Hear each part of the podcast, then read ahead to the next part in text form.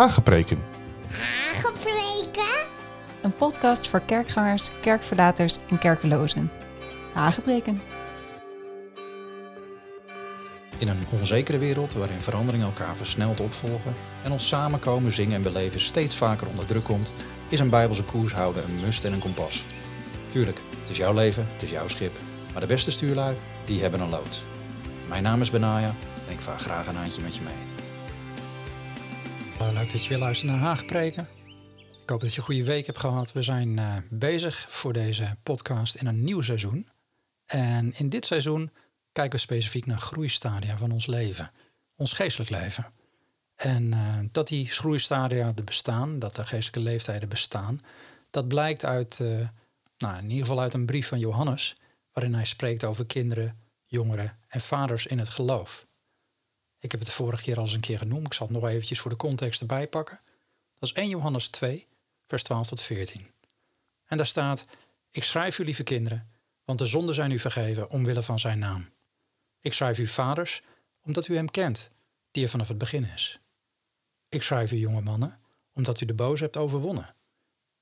Ik schrijf u kinderen, omdat u de Vader kent. En ik heb u geschreven, vaders, omdat u hem kent, die er vanaf het begin is. En ik heb u geschreven, jonge mannen, omdat u sterk bent en het woord van God in u blijft en u de boze hebt overwonnen. Nou, dat is de basistekst voor dit seizoen. Een beetje onze springplank waarvan we deze interessante reis gaan maken. We gaan uh, proberen in kaart te brengen wat ons kenmerkt, ziet en past op elk groeiniveau. Maar ook wat ons nog ontbreekt, belemmert of misschien zelfs verblindt per leeftijd. Geestelijk gesproken dan, hè? En voor sommigen van ons is dat misschien ook wel weer even slikken. Denk met name voor degenen die uh, nou, wellicht lekker onafhankelijk in het leven staan en misschien wel ook wel het nodige bereikt hebben in het leven. Dan kan het zijn, net als bij Nicodemus, die ik er vorige keer aanhaalde, dat we, dat was ook een doorgewinterde theoloog, zou ik maar zeggen, die er niet bij kon dat hij weer tot babyniveau gereduceerd zou moeten worden om Gods koninkrijk binnen te gaan. Maar Jezus vertelde hem, Johannes 3, voorwaar, voorwaar, ik zeg u, als iemand niet opnieuw geboren wordt, kan hij het koninkrijk van God niet zien. Als iemand niet geboren wordt uit water en geest, kan hij het koninkrijk van God niet binnengaan. Nou, misschien is dat wel vergelijkbaar met de missie van onze Heer, dacht ik. Want er staat in de Bijbel dat hij zichzelf leeg gemaakt heeft. Doordat hij ja, eigenlijk de gestalte van een slaaf aannam en aan mensen gelijk werd. En in die gedaante als mens heeft hij zichzelf vernederd, zegt de Bijbel, en is hij gehoorzaam geworden tot aan de dood, zelfs tot aan de kruisdood. Als hij dat niet gedaan had, dan had hij ook niet in het lichaam van een mens, met alle kwetsbaarheden en vatbaarheden voor dingen als honger en ziekte en nou ja, ongemak, maar ook de verleiding om te kunnen zondigen, dan had hij dat nooit kunnen doorstaan. En in die zin werd Jezus ook voor ons opnieuw geboren in een lichaam, om onze gevallen wereld vanuit zijn mens zijn te kunnen zien. En dat werd uiteindelijk zijn dood. Maar juist doordat hij stierf, opende hij een weg voor ons om opnieuw geboren te kunnen worden. En dit keer in zijn koninkrijk, zijn geestelijk koninkrijk. Zodat wij het koninkrijk van God met onze ogen konden zien. Zoals hij ook het koninkrijk of deze wereld, dit domein, vanuit onze ogen kon zien. Nou, de prijs voor het zien van elkaars domein, en in dit geval is Gods koninkrijk de meer verkiezelijke, ehm, is jezelf vernederen, zoals Jezus deed. Gehoorzaam worden aan God de Vader en inderdaad ook net als Jezus doodgaan. Dat is voor ons niet anders. Om Gods koninkrijk te zien moet je in, in feite nederig worden. Je moet jezelf vernederen. Je moet zeggen, ik ben niks waard. En als je dat doet, dan word je gehoorzaam aan God. En dan leg je je oude leven af, dan ga je dood. In die zin, geestelijk. En dat is ook wat er gebeurt als je uit water en geest wordt geboren, zoals Jezus zegt. En de, de Bijbel vergelijkt de doop ook met een watergraf waarin je in nieuwheid van leven opstaat. Of zoals Romeinen 6 vers 4 zegt, wij zijn dan met hem begraven door de doop in de dood. Zodat we net zoals Christus uit de doden is opgewekt, tot de heerlijkheid van de Vader, ook wij in een nieuw leven zouden wandelen. Nou heb ik al gehoord van een van onze luisteraars dat haar kinderen op basis van de vorige podcast overtuigd raakten de stap te nemen om zich te laten dopen. Nou, dat is geweldig nieuws. En ik zou hier nog veel meer over kunnen zeggen. Ik denk ook dat er veel meer over gezegd moet worden. Uh, niet alleen om de noodzaak, maar ook de diepte en de waarde van de doop te onderstrepen. Maar toch heb ik even besloten om dit onderwerp te parkeren. En dat om de simpele reden dat dit onderwerp, nou, dat roept vaak heel veel vragen op. Daarom denk ik ook dat het een, een goede gedegen uitleg en een goede exegese vraagt. Nou, dat kan ik onmogelijk binnen een afronden. Tenminste niet in 20, 30 minuten. En dat is wel de insteek van deze podcast. Om wekelijks een stukje onderwijs en overdenking van 20, max 30 minuutjes neer te zetten voor jullie.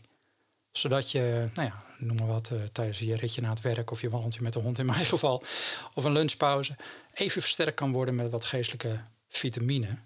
En zodat het niet een enorme aanslag op je tijd en je agenda maakt. Nou, ik wil wel vast aankondigen dat ik bezig ben met uh, meerdere podcasts. Ik ben bezig met een podcast voor degene die wat dieper wil gaan. En een podcast voor onderwerpen waar veel om te doen is. En dan bedoel ik onder andere dit soort onderwerpen mee. Want zowel vanuit de traditionele hoek als vanuit de wat meer vrijgevochten filialen in Kerkeland, zou ik maar zeggen, zijn er nogal wat stokpaardjes en drogredeneringen die over en weer worden gegooid als het op dopen aankomt. En het leek me daarom wel goed om een, ja, een soort virtuele heilige koel barbecue in podcastvorm te organiseren, waarin we tijd kunnen nemen om wat meer gevoelige onderwerpen en bepaalde christelijke taboes onder de loep te nemen. Niet dat het doop een taboe is, maar er is vaak wel veel om te doen. Maar zoals gezegd, de Heilige Koe Barbecue podcast behoeft nog even wat tijd en uh, wat organisatie om, om het even goed op te zetten. Maar zodra deze online staat, laat ik het je weten. Nou, terug naar de geboorte, want dat is waar we verder gaan. Want zoals we vorige keer bespraken, als we berouw hebben over ons oude leven, ons denken, doen en spreken, en we keren ons hiervan af, en meer dan dat, als we erkennen dat het loon van de zonde de dood is, en beseffen dat de Heer Jezus die doodstraf in onze plaats op zich heeft genomen, ja, dan mogen we weten, zoals de Bijbel ons leert, als wij onze zonde beleiden, is Hij getrouw en rechtvaardig om ons de zonde te vergeven en ons te reinigen van alle ongerechtigheid. En dat is het punt waarop een nieuw leven begint. Want dan zijn wij gestorven en is ons leven met Christus verborgen in God. Hè? Colossense 3 vers 3. En het mooie is, als we in Christus zijn, dan zijn we een nieuwe schepping, is het oude voorbij gegaan en is alles nieuw geworden. Nou, net zoals een klein babytje wordt geboren zodra het vruchtwater breekt en dan onder weeën ter wereld komt en onder het bloed zit van de moeder, zo spaart de Heer kosten nog moeite om ons geboren te doen worden als nieuwe schepping in zijn koninkrijk. En als hij ons dan uit de duisternis geroepen heeft tot zijn wonderbaar licht, zoals de Bijbel zo mooi zegt, en een ontferming ons aanneemt als zijnde van hem, als deel van zijn volk, dan is dat omdat wij bedekt zijn met het bloed van zijn zoon. Dus daar zie je die mooie ja, parallel water en bloed en water en bloed in Gods koninkrijk. En dit bloed van het lam hè, en, en het woord van ons getuigenis wat daarbij komt, en het feit dat wij ons oude leven niet lief hebben tot in de dood, dat staat ook zo mooi in de openbaring, maakt dat we deel worden van zijn familie, met God als vader. En dan begint dat opgroeien in Gods huisgezin. En net zoals in het natuurlijke bepaalt de opvoeding en het gezin waar je in opgroeit heel veel van hoe jij wordt gevormd. Je, je normen, je waarden, je manier van reageren en communiceren, maar ook hoe je naar de wereld kijkt, nog veel meer. En toch, en dat is jammer, zijn er heel veel mensen die dit geboorteproces op de een of andere manier niet meemaken. Soms omdat het ze nooit is verteld, uh, soms omdat ze het nooit hebben begrepen of dat ze misschien de noodzaak er niet van inzagen. Of soms dat ze nog steeds geloven, zoals de wereld het graag mag verkondigen natuurlijk, in het goede van de mens. En dat is, dat is een, ja, een soort mantra in deze maatschappij, wat je heel, heel, heel vaak hoort en wat mensen ook vaak in problemen brengt. Maar zelfs Jezus stond niet eens toe dat ze hem in zijn mens zijn als goed bestempelden. Ja, Lucas 18 zegt hij zo mooi: Waarom noemt u mij goed? Niemand is goed, behalve één, namelijk God. Maar het is wel begrijpelijk, want het is natuurlijk niet niks loslaten dat je het zelf kan bewerken, dat goede. En we denken namelijk allemaal dat we het wel kunnen. Op de een of andere manier denken dat we er genoeg kaas van hebben gegeten, of moet ik zeggen, vrucht van hebben gegeten, dat we goed kunnen doen. Ik weet niet hoe vaak je voor jezelf dingen hebt voorgenomen. Dit ga ik doen en nu ga ik het anders doen en nu ga ik het echt anders doen. En elke keer lukt het niet. Dan komt het punt dat je het moet willen loslaten en dat je jezelf moet openstellen als hulpeloos, als een baby. Dat je klaar bent om opnieuw geboren te worden klaar voor een wedergeboorte. En dan zul je ontdekken dat God, onze Vader, liefdevoller, betrokkener, geduldiger en oneindig veel genadiger is met ons dan wij mensen denken. En dan kun je gaan groeien in Gods manier van goed doen. En ook die ontdekking vereist een simpele houding van een baby. Johannes zei, ik las het zo net, ik schrijf u, lieve kinderen, want de zonden zijn u vergeven omwille van zijn naam. Hij zei, ik schrijf u kinderen omdat u de Vader kent. Oftewel, op kindniveau mag je niet te veel verwachten van zo'n kind. Net als een natuurlijke. Iedere baby die wordt geboren heeft maar een paar dingen die hij nodig heeft als hij schreeuwend ter wereld komt. Hij heeft, nou, ik noem maar wat, uh, hij heeft lucht nodig om te ademen. Hij heeft, hij heeft warmte nodig, betrokkenheid, geborgenheid van zijn ouders. Uiteraard de moedermelk heeft hij nodig. Hij heeft rust, reinheid en regelmaat nodig. En, en ouders die voor hem zorgen, zodat hij veilig is en dat hij veilig blijft. En deze dingen, een stuk of zeven, zijn belangrijk voor een baby. Maar die zijn ook belangrijk in het geestelijk baby zijn. En je hebt lucht nodig om te ademen. En vorige keer vertelde ik dat de Heilige Geest ons tot leven wekt. Hij is de adem in onze geestelijke longen ook. Hij gaf ons niet alleen de levensadem in het natuurlijke. We zijn ook geboren door water en geest wat betreft ons nieuwe leven in Christus. En dan de warmte en geborgenheid die een baby nodig heeft van zijn ouders. Dat is geestelijk ook zo. Eenmaal ter wereld, in Gods wereld, is het belangrijk dat je niet afkoelt. Dat je niet onderkoeld raakt, net als een babytje. Weet je nog dat Jezus een kritiekpunt had naar een van de gemeentes in het boek Openbaringen? En toen zei hij van, ik weet dat u niet koud bent en niet heet bent. Nou, jonge christenen die net de Heer Jezus hebben leren kennen, daar zie je vaak aan. Die zijn vaak enorm vurig, helemaal on fire. En het is belangrijk dat de geestelijke familie daaromheen dit koestert. En dat hij dit aanmoedigt en niet ontmoedigt. En dat hij het niet uh, doet uitdoven door een overdreven bezorgd zijn over bepaalde houdingen of bepaalde uitlatingen. Of te kritisch te zijn. Er is warmte nodig. Geborgenheid van ouders ook. Dit betekent dus dat je als ouders een nieuw babytje letterlijk omarmt. Inclusief gehuil, inclusief poepluiers, inclusief slapeloze nachten. Dat reken je dat babytje niet aan. Je bent blij als zij blij zijn en content als zij content zijn. En je zorgt ook dat je ze warm houdt. En dat is geestelijk ook zo. Helaas heb ik dat heel vaak anders gezien. Ik heb heel vaak jonge gelovigen gezien die enorm bekritiseerd werden.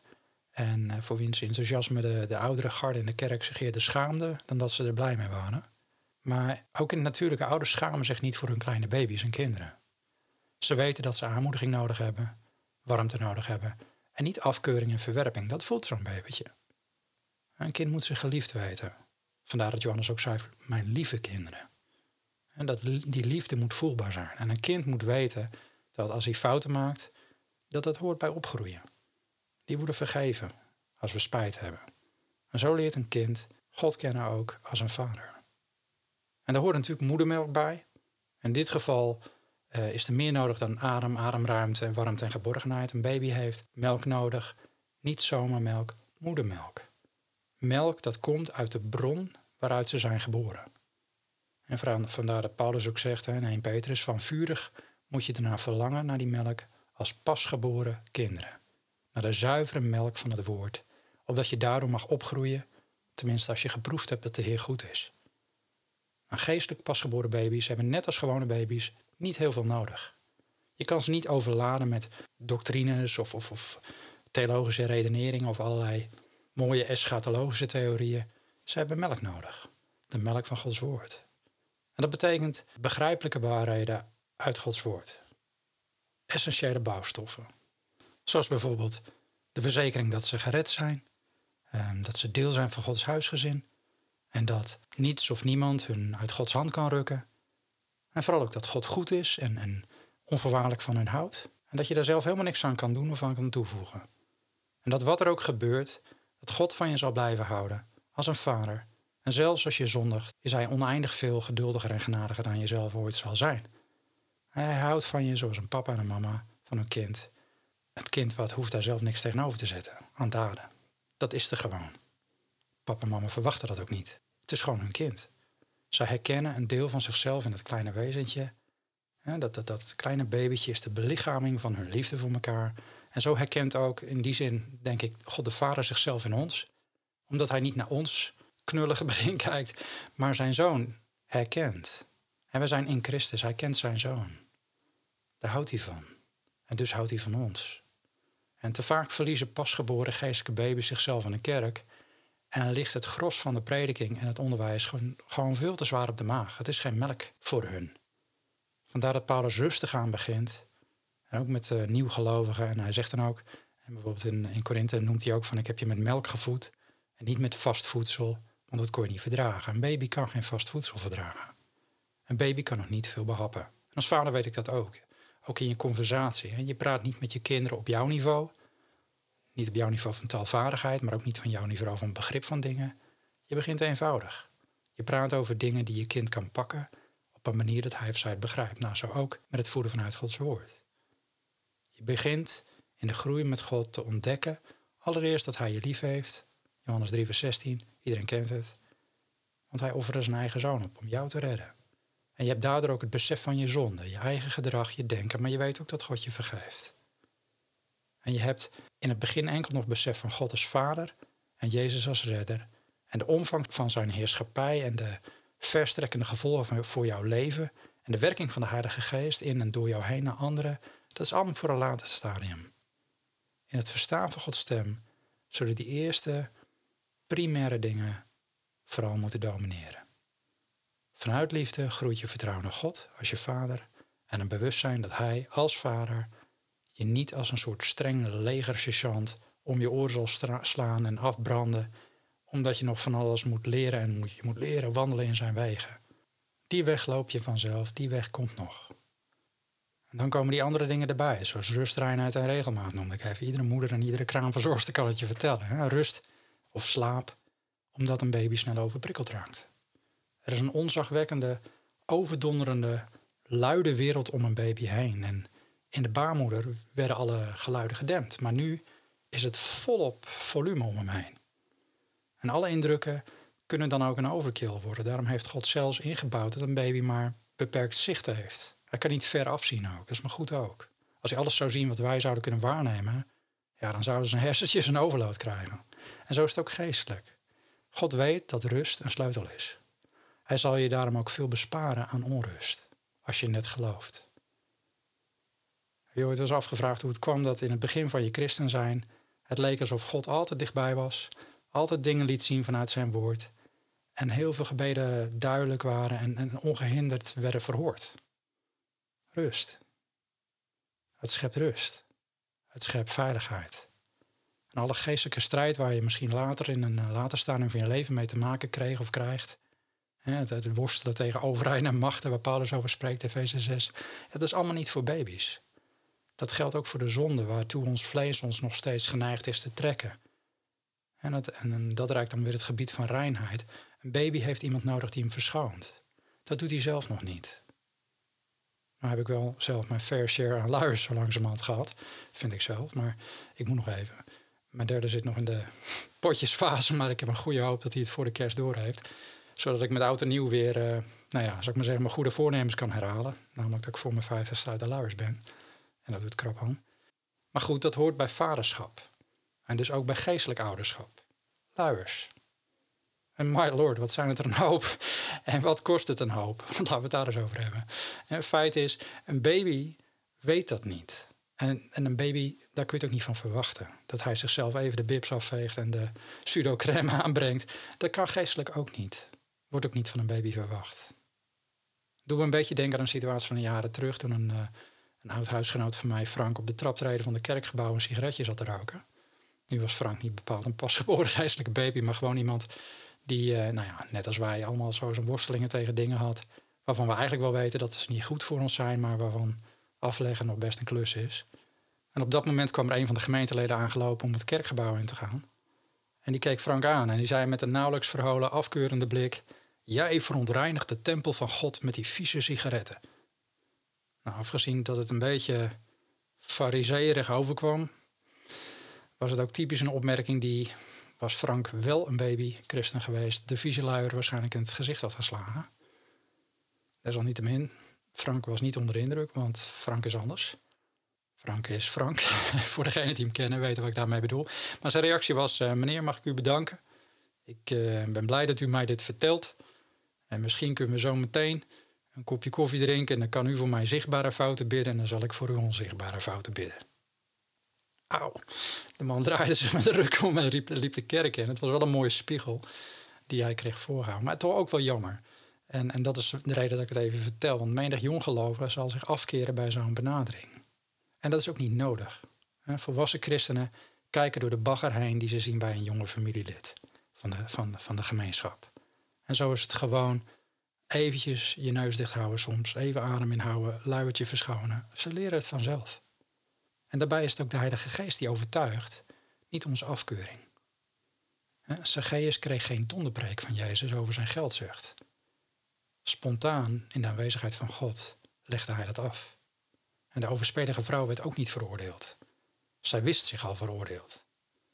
En zelfs Judas, op het moment van verraad, met een kusnoot bijna, werd nog door Jezus vriend genoemd. Dat zegt iets. Gods aanwezigheid en de Heilige Geest zal mensen overtuigen. dat brengt ons op het punt van regelmaat, of moet ik zeggen voorspelbaarheid. Een kleine baby moet er kunnen rekenen op een bepaalde houding van voorspelbaarheid. Niet alleen de houding van papa en mama, die altijd omarmend, geruststellend, verzorgend is, maar ook qua timing van dingen. Zo'n flesje voeding moet op tijd, zijn slaapje moet op tijd, zijn naar bed gaan ritueeltje moet op tijd. En als die huilt, om wat voor reden dan ook, soms is het nog steeds onduidelijk, dan moet hij weten, papa is in no time bij hem om te kunnen troosten. Nou, dat geldt ook voor het geestelijke. God zorgt ervoor dat hij ons blijft bemoedigen en blijft aanmoedigen, vooral als we jong zijn in het geloof. Gaandeweg word je wel natuurlijk uit je comfortzone gehaald en leer je op je eigen geloofsbenen staan, maar in het begin hoeft dat nog niet. En je ziet ook aan het volk Israël dat net uit Egypte is bevrijd en door het water van de Rode Zee is gekomen bij God, plaatje van de doop. Dan mekkeren ze een hoop, ze zeuren een hoop, ze klagen een hoop, hoop gehuil. Ze hebben duidelijk de geestelijke pampers aan, zou ik maar zeggen, maar God zorgt voor ze. Met water, met manna en met kwakkels. En geeft ze richting. Al die dingen herken ik ook vanuit mijn eigen geestelijk leven. In het begin was ik enorm vurig.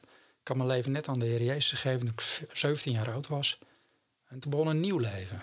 Alles was nieuw. En misschien was het ook wel omdat ik kort daarna ging studeren. En dan maakte ik van alles nog nieuwer. En het, gevoel van ontdekking en vrijheid werd nog groter. Maar in die tijd gaf God geborgenheid. Hij gaf me een studentenpa, Peter, die me stapsgewijs door het woord meenam. En ik kwam ook in een christelijk studentenhuis terecht, waarvan de huisbaas een hele bibliotheek aan christelijke boeken had, die ik verslond toen.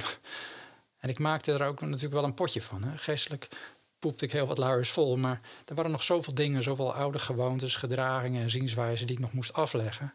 En ik denk dat de mensen om mij heen dat ook wel hebben gezien, maar gelukkig zwegen ze en lieten ze me leren. Dat was veiligheid. Maar ik weet ook nog wel de dagelijkse momenten met Heere God, de zogenaamde stille tijd noemden we dat toen. Hè? Vroeg in de ochtend, drie hoog op de Poortstraat, voor de gaskachel met een kopje thee en de King James Bijbel. Want ik studeerde Engels, dus dat hoorde al, snapte ik eh, niet heel veel van altijd. Maar wat ik telkens weer ervoer was die nadrukkelijke aanwezigheid van God. Dat was er altijd. En ik wist me veilig. En dat is iets waar een baby op moet kunnen rekenen. Ouders die zorgen dat hij veilig is. Het is niet voor niets dat Jezus spreekt over hoeveel waarde God hecht aan de kleintjes onder ons. En hoe hun engelen, die altijd het aangezicht van de God de Vader zien, zegt hij, eh, in direct contact staan met degene die over hem waakt. Dat is de zorg die God de Vader geeft. Dat is vaderlijke bescherming en betrokkenheid. En dat is nodig ook, want baby's lopen misschien niet in zeven sloten tegelijk. Gewoon omdat ze nog niet kunnen lopen, denk ik. Maar, maar ze rollen of kruipen er soms wel in drie achter elkaar, is mijn ervaring. En dus heb je die veiligheid nodig en die bescherming nodig. Nou, ik weet niet waar jij staat in het groeiproces. Misschien ben je reis met God net begonnen. Misschien ben je al veel verder, ben je al tiener of jongeling, of misschien zit je al in het geestelijk vaderschap. Maar het is een interessante reis. Het is een boeiende ja, groeiproces waar we in zitten. En God gaat je begeleiden. Niet alleen een baby zijn, of kind zijn, of tiener zijn, of jongeling zijn, maar ook in vaderschap. Hij wil ons blijven begeleiden en geeft ons telkens nieuwe inzichten. Ik hoop dat je hier wat aan hebt. Ik hoop je te verrijken met nog meer. Wat behalve wat een baby nodig heeft, zijn er ook nog een aantal typische kenmerken en gedragingen die baby's eigen zijn. Dat, dat heeft elk stadium. Ook daar zijn weer geestelijke lessen uit te trekken. Maar voor nu is het even genoeg. Ik hoop zo dat je wat eerste waardevolle inzichten hebt gekregen. Heb je vragen, aanvullingen of opmerkingen? Mail me even via podcast. Voor nu, blijf luisteren, blijf koers houden. Volgende keer navigeren we verder.